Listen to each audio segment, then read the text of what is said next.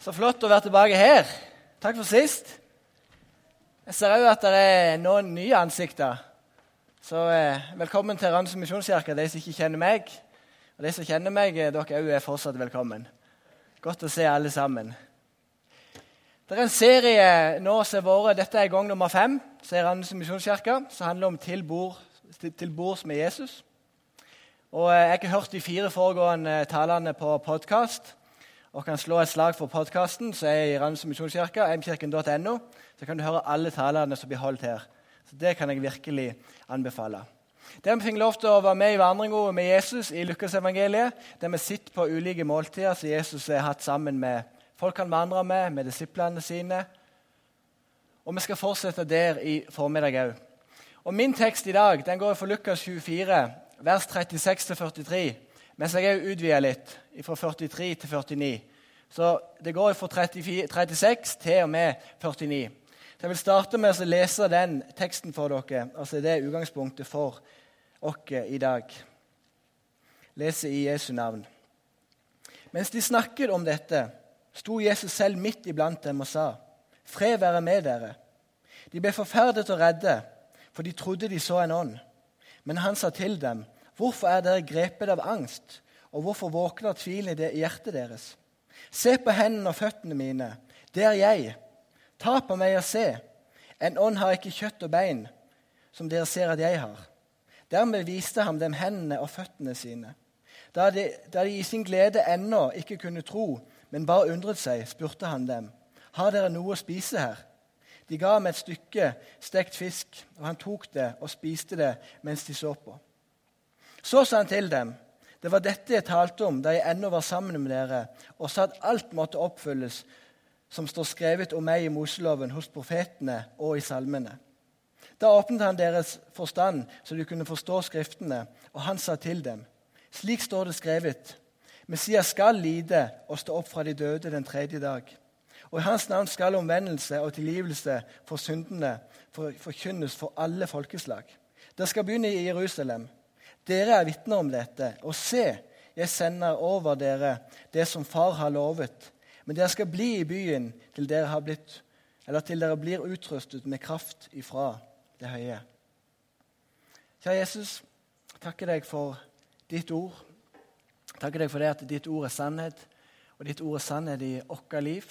Ditt ord er sannhet like mye i dag som det var for 2000 år siden, for 1500 år siden. Uansett er ditt ord sannhet. Og Jeg ber deg om at vi skal kjenne det at vi skal ta med oss den sannheten ut ifra lokalet i dag, far. Jeg ber deg om du skal berøre oss, jeg ber deg om at du skal gjøre noe nytt i vårt hjerte, gjøre noe nytt, noe, noe nytt i vårt liv, Jesus.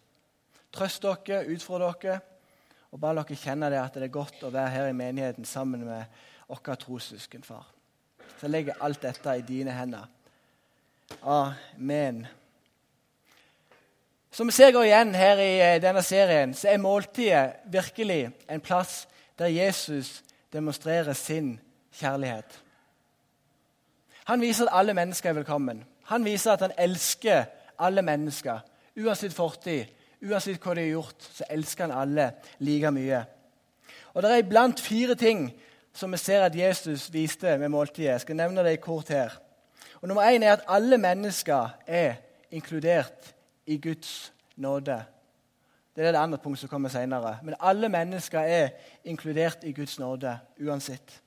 Vi ser òg at det er ingenting som du har gjort i livet, som kan ekskludere deg ifra Guds kjærlighet. Ingenting som du har gjort eller kommer til å gjøre, kan ekskludere deg ifra Guds kjærlighet. Videre så ser vi at Jesus han var ikke så opptatt av å følge alle de bordreglene og bordskikkene som var på den tida som var der. Og at mennesker var viktigere enn regler for Jesus. Og fire så ser vi òg det at en dag så skal det dekkes bord for alle mennesker i alle nasjoner som kommer til himmelen. En dag så skal vi møte Jesus igjen i himmelen. En dag så skal du gå på, villeste, på det villeste middagslaget eller festen eller hva du skal kalle det for, som du har vært på i ditt liv. En gang skal få lov til å sitte til bords sammen med Jesus i himmelen. Det gleder jeg meg til. Og Det er jo derfor vi lever her nå. For Vi ønsker at vi skal få med flest mulig mennesker til akkurat det bordet som er i himmelen. Det er viktig å samle mennesker rundt bordet her òg. Klart det er det. Men det hovedbordet som jeg lengter etter, og det jeg gleder meg mest til, det er når vi en dag skal få lov til å sitte til bords sammen med Jesus. En dag der vi skal få lov til å møte han, og han sier 'vel gjort, trofaste og gode tjener'. Det er hovedmåltidet. Det er det jeg lever for. Det er det jeg gleder meg til. Og det er det jeg ønsker at Når jeg forkynner generelt, så skal mennesker se Jesus gjennom meg. Så skal mennesker se at det er det vi lengter etter. Dette er bare en mellomstasjon. Her bare samler vi inn så mye mennesker som vi kan, sånn at vi en dag skal få lov til å leve sammen med Jesus oppe i himmelen. Og det gleder jeg meg til. Så jeg, bare, jeg bare håper at du kan se litt av det at dette er ikke slutten, dette livet her. Men når vi dør, så skal vi en dag få lov til å møte Jesus i sky. Så er du her inne, og livet er tøft, er du her inne, og livet er vanskelig, så vil jeg bare si det at en dag er det slutt på all smerte. En dag er det slutt på alle problemer.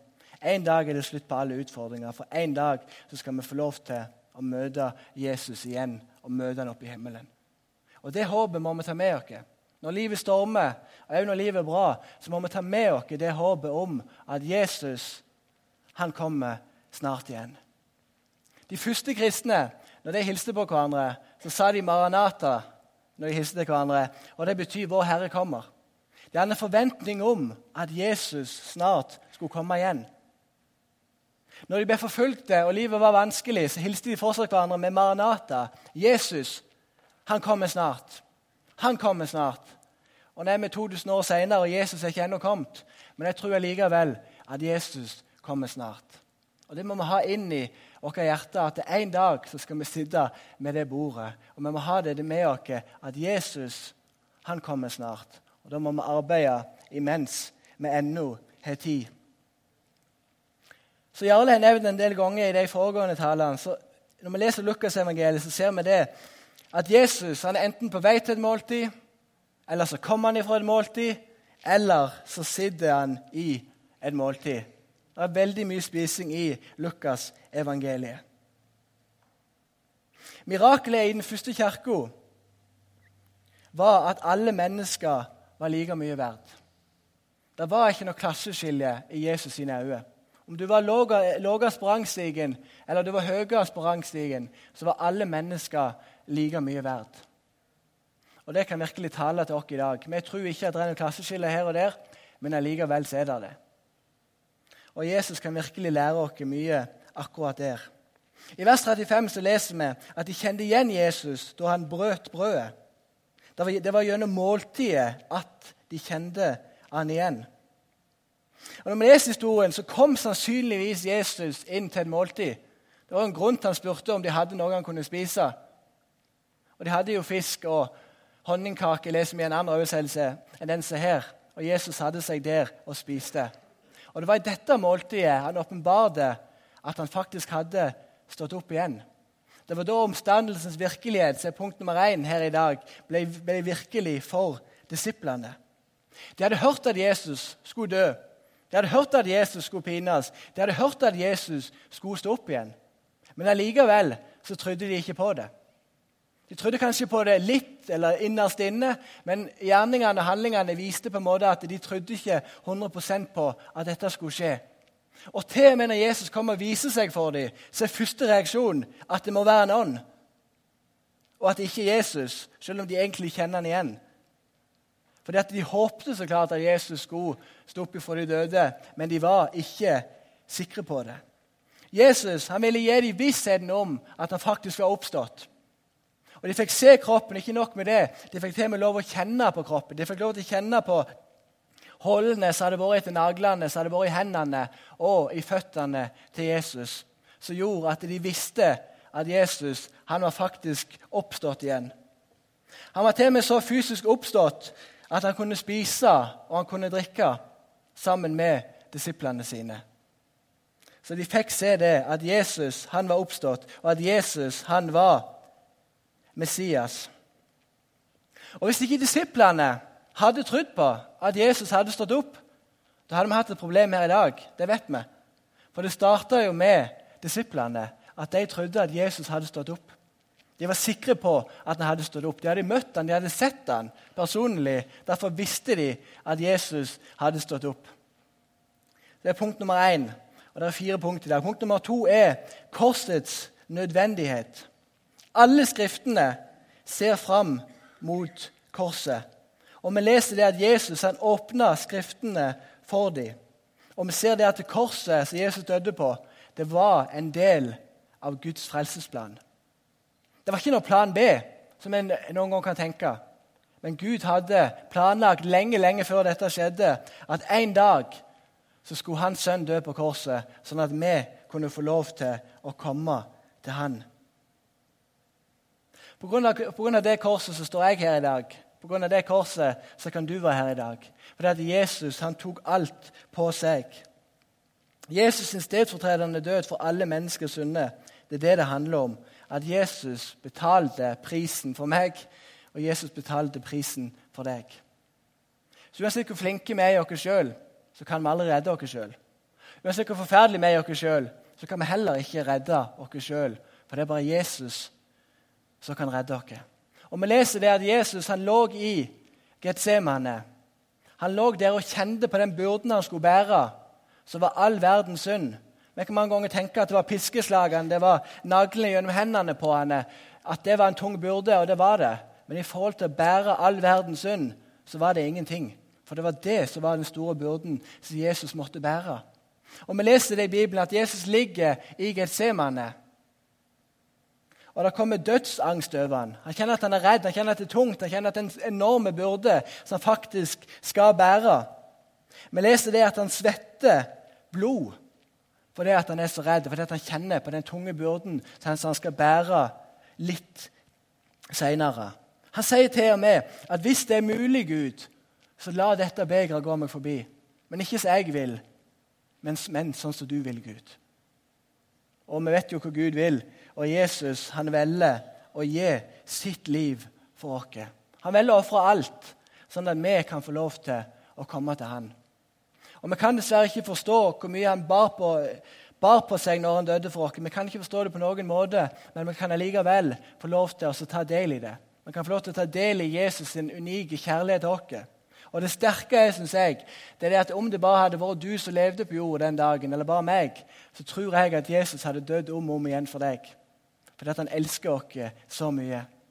Og jeg ser for meg det at når han hang der på korset med hendene ute, så så han akkurat deg som sitter her inne, og tenkte at jeg gjør dette for deg. For det er det korset som er det sentrale. Det er Jesus sin død og Jesus sin oppstandelse som er det sentrale. Har vi ikke det, så har vi ingenting. Det er det som er evangeliet, det er det som er de gode nyhetene. Og det er det vi kan få lov til å være bærer av. Vi kan få lov til å være bærer av at vi vet at Jesus har dødd for oss, han er død for alle mennesker. Det kan vi få lov til å være bærer av.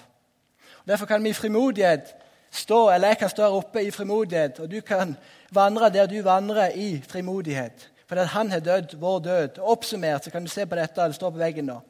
Han døde virkelig som et stedsfortredende offer for oss. Han gikk virkelig ned i dødsriket. Han oppsto virkelig på den tredje dagen. Syndens skyld ble betalt, og syndens makt ble virkelig brutt. Dødens brodd ble brutt. Satan ble beseiret og avvæpna. Og Alt dette som står her, det er fakta. Alt dette som står der, det er sant. Og når vi vet at sånn er det, for det vet vi Jeg vet at jeg vet at jeg vet at dette er sant. Og Da kan vi få lov til å være frimodige, for vi sitter på svaret. Vi sitter ikke bare på ett av svarene, men vi sitter på det eneste svaret som fins. Vi sitter på den eneste veien som er til himmelen, og det er gjennom Jesus. Og Når vi virkelig forstår det, når vi lar det gripe inn i hjertet vårt og kjenner at det blir en byrde i hjertet, da skjønner vi det, at den eneste måten folk kan komme til himmelen på, det er gjennom Jesus.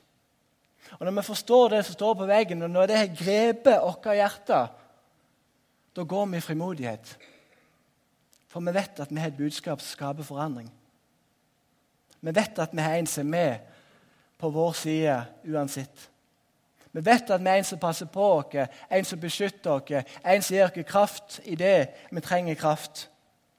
Og Da går vi over på punkt tre, som handler om at oppdraget det har hast.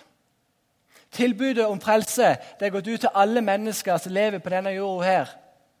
Og Gud bruker hvert enkelt menneske. Gud bruker meg, og Gud bruker deg der du er. Det er vi som er budbærere for Jesus. Menigheten var ikke til for den øvre sal, som vi leser om i Apostelens gjerninger, men menigheten er til for hele verden. Og den lokale menigheten er verdens håp. Og Vi leser i vers 28 i Lukas 24 at dere er vitner om dette. Dere, det betyr oss. Og vi er bærere av gode nyheter. Vi er bærere av håp. Vi er bærere av Jesus. Der som vi vandrer. Og Enda sterkere enn det, vi er faktisk bildet på Jesus der som vi vandrer.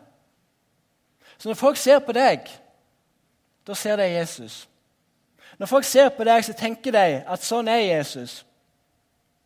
Så Hvis du er sint hele veien og misfornøyd med livet ditt hele veien, så vil folk tenke at sånn er Jesus. Er du glad og fornøyd med livet selv om du møter motgang, så vil folk tenke at sånn er Jesus. For du er bildet på Jesus der du vandrer. Og det, og det er nødt til å gå opp for oss. Så spørsmålet hvordan presenterer du Jesus der du er? Er du den som er misfornøyd når du kommer til kassen og du finner ut at eh, den agurken du kjøpte, ikke var så bra likevel? Og så klager du på det, eller kyllingene var litt for mye stekt når du er på Meny og skal kjøpe kylling? ikke sant? Eller er du en av de som er litt mer ydmyke og prøve å vise Jesus der du er i dine hverdagslige situasjoner? Jeg mener helt klart på at det skal være og det bør være en forskjell på meg som tror på Jesus, og de som ikke tror på Jesus. Og Når livet stormer, så kan vi få lov til å legge oss i Jesus sine hender. Skal jeg sitte på alle mine problemer og på min tilkortkommenhet, så kunne jeg aldri stått der.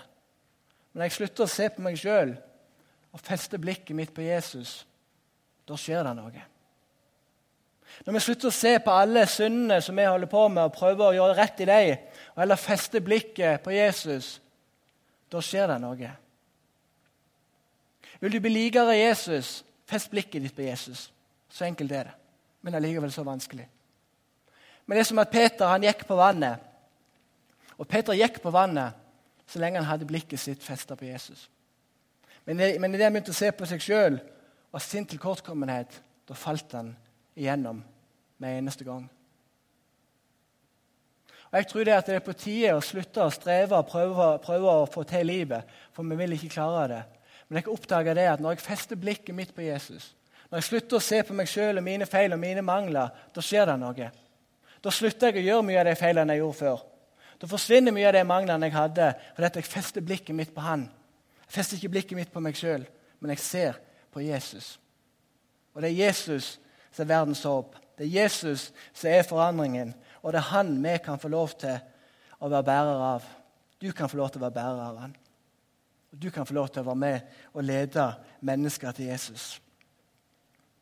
Og Hvordan skal vi lede mennesker til Jesus? Jo, Det er mange måter å gjøre det på. Men jeg har bare noen tanker og påstander jeg vil dele med dere her i formiddag.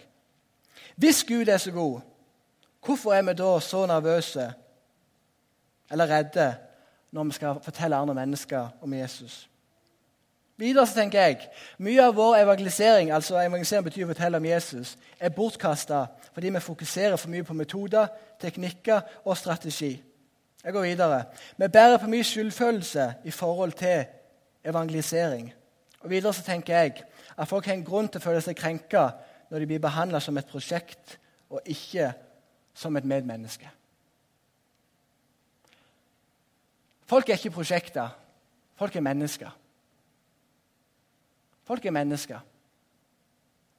Og det må vi forstå. At folk er mennesker.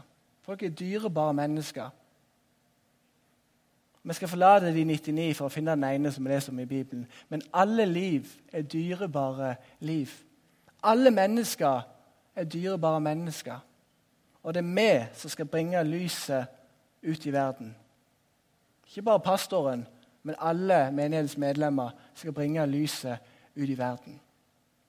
Slutt å lære deg teknikker og metoder på måter du skal gjøre det på. Bare la det ligge. Vær så snill og la det ligge, for det funker ikke på noen måte. Det er iallfall min erfaring på akkurat det. Men vær deg sjøl. Og det kommer jeg litt tilbake til. Å kjøre i en bil og skrike til noen at Jesus elsker dem, det er ikke evangelisering. Ikke sant? Vi skjønner det. Evangelisering det skjer overalt, og det skjer i alle sammenhenger. Og du er et vitne, og du er et bilde på Jesus overalt. Jeg har ikke vært med på alt. Jeg har ikke delt ut traktater, jeg har ikke på gata, jeg har ikke bedt for syke på gata, jeg har ikke gått fra dør til dør. Det er kanskje det verste jeg har vært med på.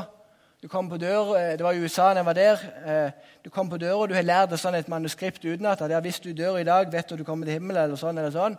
Og Folk er jo helt sjokkert. Og, og, og, sier bare ja, jeg vil ta imot Jesus, bare sånn at du skal komme deg vekk. ikke sant? Og Så skriver du ned én frelst, og så går du videre til neste dør.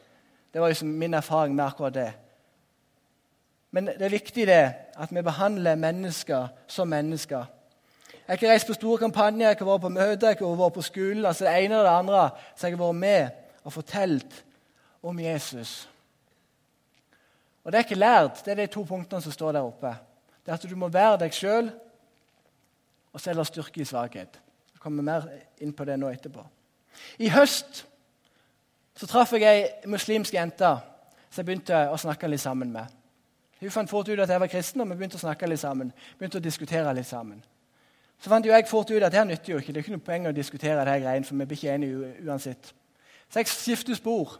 Så begynner jeg å fortelle om hva Jesus har gjort i livet mitt. Jeg begynner å fortelle om alle under og mirakler sitt. Jeg begynner å fortelle om det spennende livet det er å leve sammen med Jesus. Og idet jeg gjør det, og så spør jeg til slutt har du opplevd noe av det her i din religion. Det hadde hun ikke på noen måte. Kunne ikke sammenlignes. Og Jeg bare merka på henne at hun ble superinteressert i Jesus fordi hun merka at det var en helt annen kjærlighet. Hun merka at det var en personlig Gud. Det var en nær Gud. Det var en Gud som ikke var langt der vekke og krevde det ene og det andre, men det var en personlig Gud som var i hjertet. Og Jeg merka det i løpet av den samtalen. Så var det ikke mye til som skulle til, tror jeg, for hun hadde tatt imot Jesus. Men ser du arv og ser du miljø og ser du det du lever i, at det er ikke så enkelt å ta imot Jesus som muslim. Men jeg merker det at når du forteller om ditt personlige vitnesbyrd, om ditt genuine liv med Jesus, da skjer det noe med mennesker. Jeg, I høst så satt jeg på toget, og så var det en kar som satt på siden av meg. Og så hadde han ikke råd til, eller han hadde glemt penger, så kunne han ikke betale togbilletten. Så sier de at du, jeg kan betale din togbillett. Enkelt og greit. Og Da var det han, eh, ikke konduktøren, det var jo det det heter, men han som går rundt og selger billetter. Han ble jo helt overraska. Han ble helt sjokkert over den lille tingen der, over at jeg var villig til å betale billetten til den personen som satt på sida av meg. En liten filleting, spør du iallfall meg. Men han ble så glad og kunne ikke skjønne at det gikk an, og ville spandere kaffe på meg og det ene og det andre over den lille tingen der. Jeg snakket ingenting om Jesus, men jeg er sikker på at gjennom sånne små handlinger så kan folk merke det at vi er glad i dem. Så kan folk merke det at vi har Jesus på innsida vår. Denne våren har jeg bestemt meg for at jeg har begynt på gitarundervisning nede i byen. For dette trenger en arena der det ikke er så mange kristne mennesker på. For jeg omgås mye kristne folk. Og Da håper jeg at der nede så kan jeg få lov til å peke på Jesus. Det har vært to ganger. Og Allerede nå sist gang så merker jeg, at jeg fikk lov til å begynne å peke litt mer på Jesus. og sånn. Så det tar ikke lang tid før folk kan bli smitta av det du har på innsida di.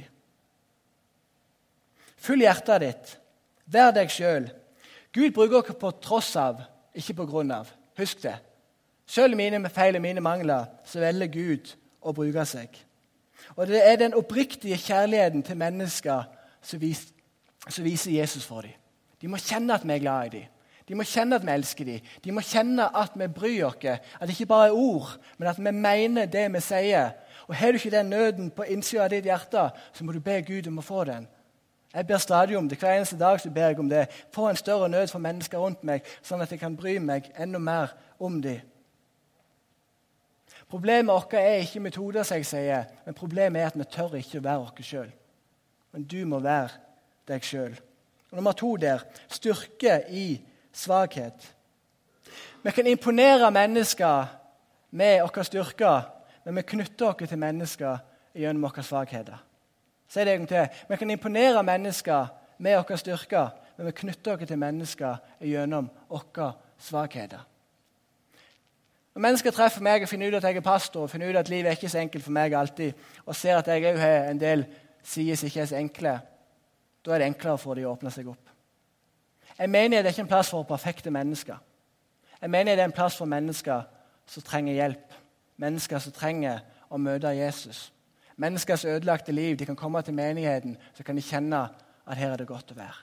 Det er det menigheten er, og det er det menigheten er kalt å være. Vi er ikke kalt å være perfekte mennesker, men vi er kalt til å være mennesker sånn som Gud har skapt dere til å være.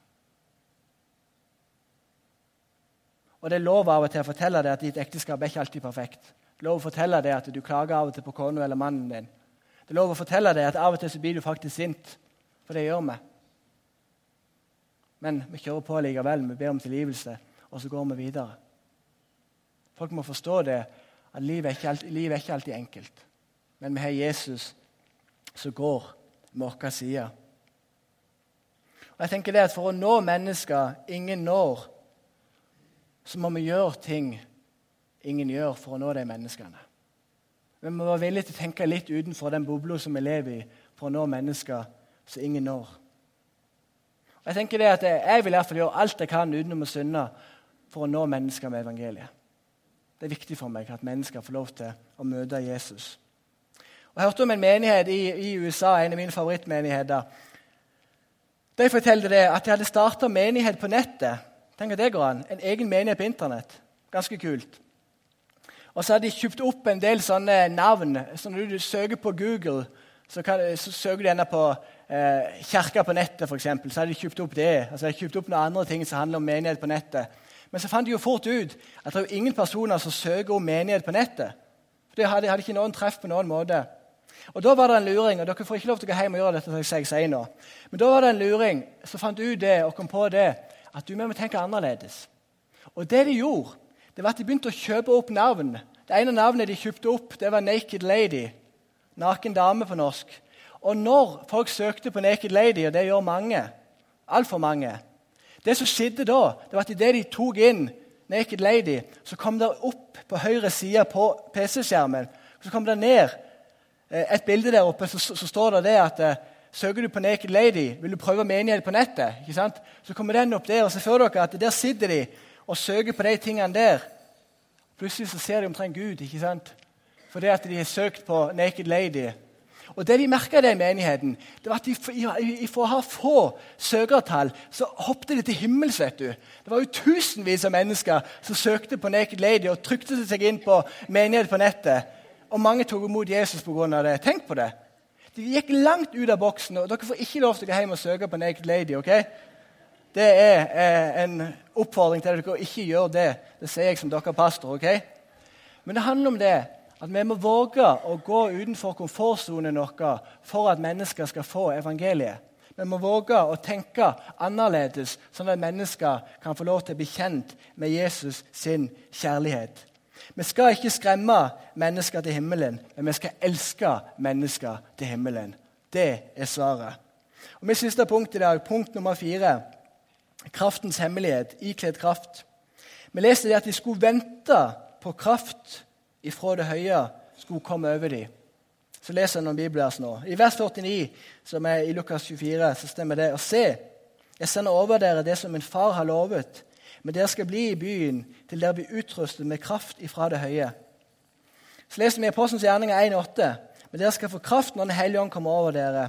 Og dere skal være mine vitner i Jerusalem, hele Judea, i Samaria og helt til jordens ender. Så leser vi Joel 3, vers 1 og 2, veldig kjente vers. En gang skal det skje at jeg øser ut min ånd over alle mennesker. Deres sønner og døtre skal profetere. De gamle skal drømme drømmer, og de unge skal se syn. Selv over slaver og slavekvinner vil jeg i de dager utøse min ånd. Når vi tar imot Jesus, da får vi Den hellige ånd. Han skal veilede oss, han skal gi oss kraft, han skal lede oss i ferdiglagte gjerninger, og han skal undervise oss. Gud har aldri bedt om at vi skal gjøre det her i egen kraft, men han er med oss. Og Derfor sender han sin Hellige Ånd, sånn at vi kan få lov til ikke gå i vår kraft, men vi kan få lov til å gå i hans kraft. Og der er det stor forskjell. Ikke strev i din egen kraft, men be om at Guds kraft og Guds Hellige Ånd skal lede deg til andre mennesker. Og Dess mer vi ser på Jesus, som jeg sa innledningsvis, dess mer vi fokuserer på han, dess mer vil vi merke at det er enklere å leve sammen med Jesus. Vil du leve det vanlige livet som du lever nå? Fortsett å fokusere på dine problemer og dine synder. Men vil du leve et liv ikledd kraft ifra Jesus, begynn å fokusere på Jesus. Se på han. Søk han først. Matteus 6,33.: Søk først Guds rike og hans rettferdighet, så skal du få alt dette andre i tillegg, leser vi der. Jeg ikke leid hele, hele livet mitt etter et enkelt svar på hvordan jeg kan bli likere Jesus. Og Det siste året så har jeg bare merka at jeg fokuserer bare på Jesus. Jeg ser på Jesus. Jeg ser ikke på mine feil og mine mangler, men jeg ser på Jesus. Og det har bare merka at det har skjedd noe helt enormt i livet mitt. Og Siste året var det mest spennende livet, eller året jeg har hatt til nå i livet mitt. Og dette kommer til å bli enda mer spennende. Og hvorfor? Jo, fordi jeg slutter å se på meg sjøl. Og så fester jeg blikket på Jesus. Og klart det kommer perioder der jeg syns synd på meg sjøl i livet er forferdelig. Tro meg, jeg er bare et menneske. Men da må jeg vende hjertet mitt opp til Jesus igjen. Og så merker jeg det, at da skjer det noe. Jeg tror det, at gjennom Jesus-begeistring, at vi er begeistra på Jesus, at vi elsker Jesus overalt, at han er kongen i livet, at han er den viktigste personen i livet, da vil under og tegn og mirakler og alle andre ting følge etterpå. tenker jeg. Det Jesus er først.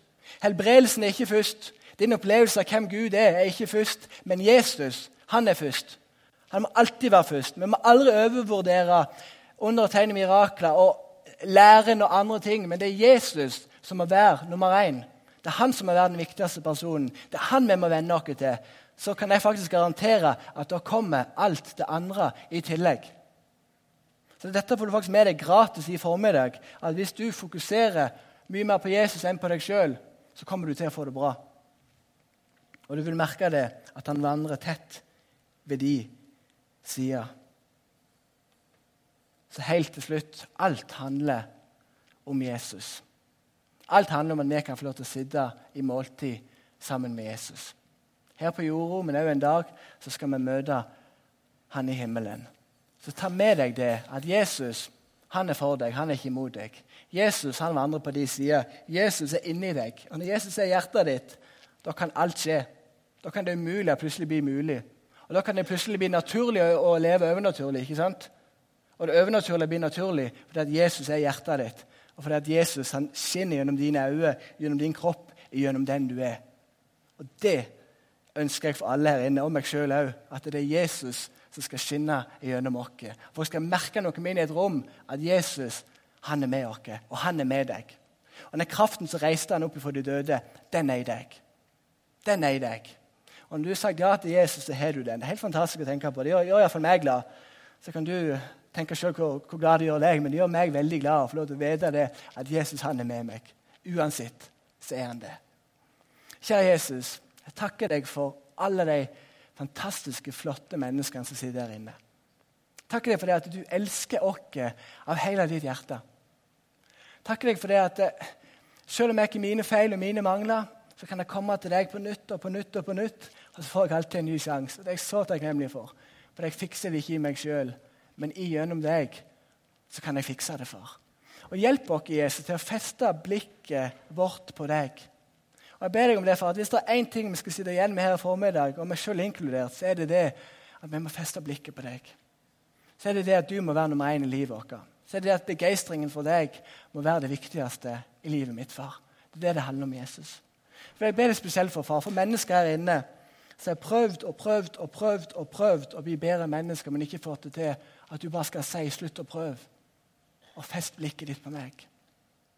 Slutt å prøve og fest blikket ditt på Jesus.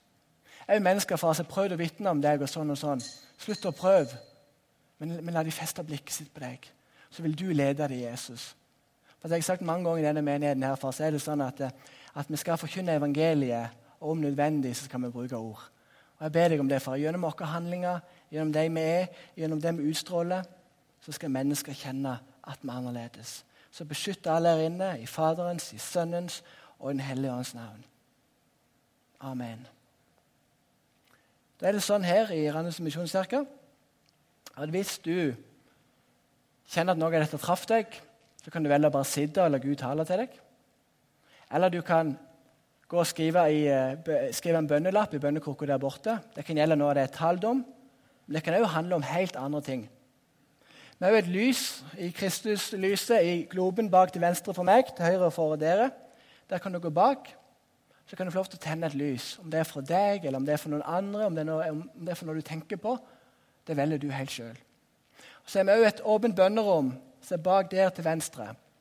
Og Hvis du kjenner det at du trenger forbønn, eller har du lyst til at noen skal be for deg, så kan du bare komme inn i det rommet der. Så er det flere av dere som har lyst til å være med og be for deg. Og til slutt, Hvis det er noen som har lyst på en enkel velsignelse, så kan du komme fram til meg her framme til venstre, og så vil jeg bare be en enkel velsignelsesbønn over deg. Men Kjenn litt på det, og du gjør det som du føler rett. Det er mange veier og mange måter å tilbe Gud på, å komme til Gud på. Du må bare kjenne ditt hjerte hvilken vei du vil bruke. Så Hvis alle kan reise seg da til slutt, det er utfordringen, kan du sette deg etter hvert. Følg deg fri.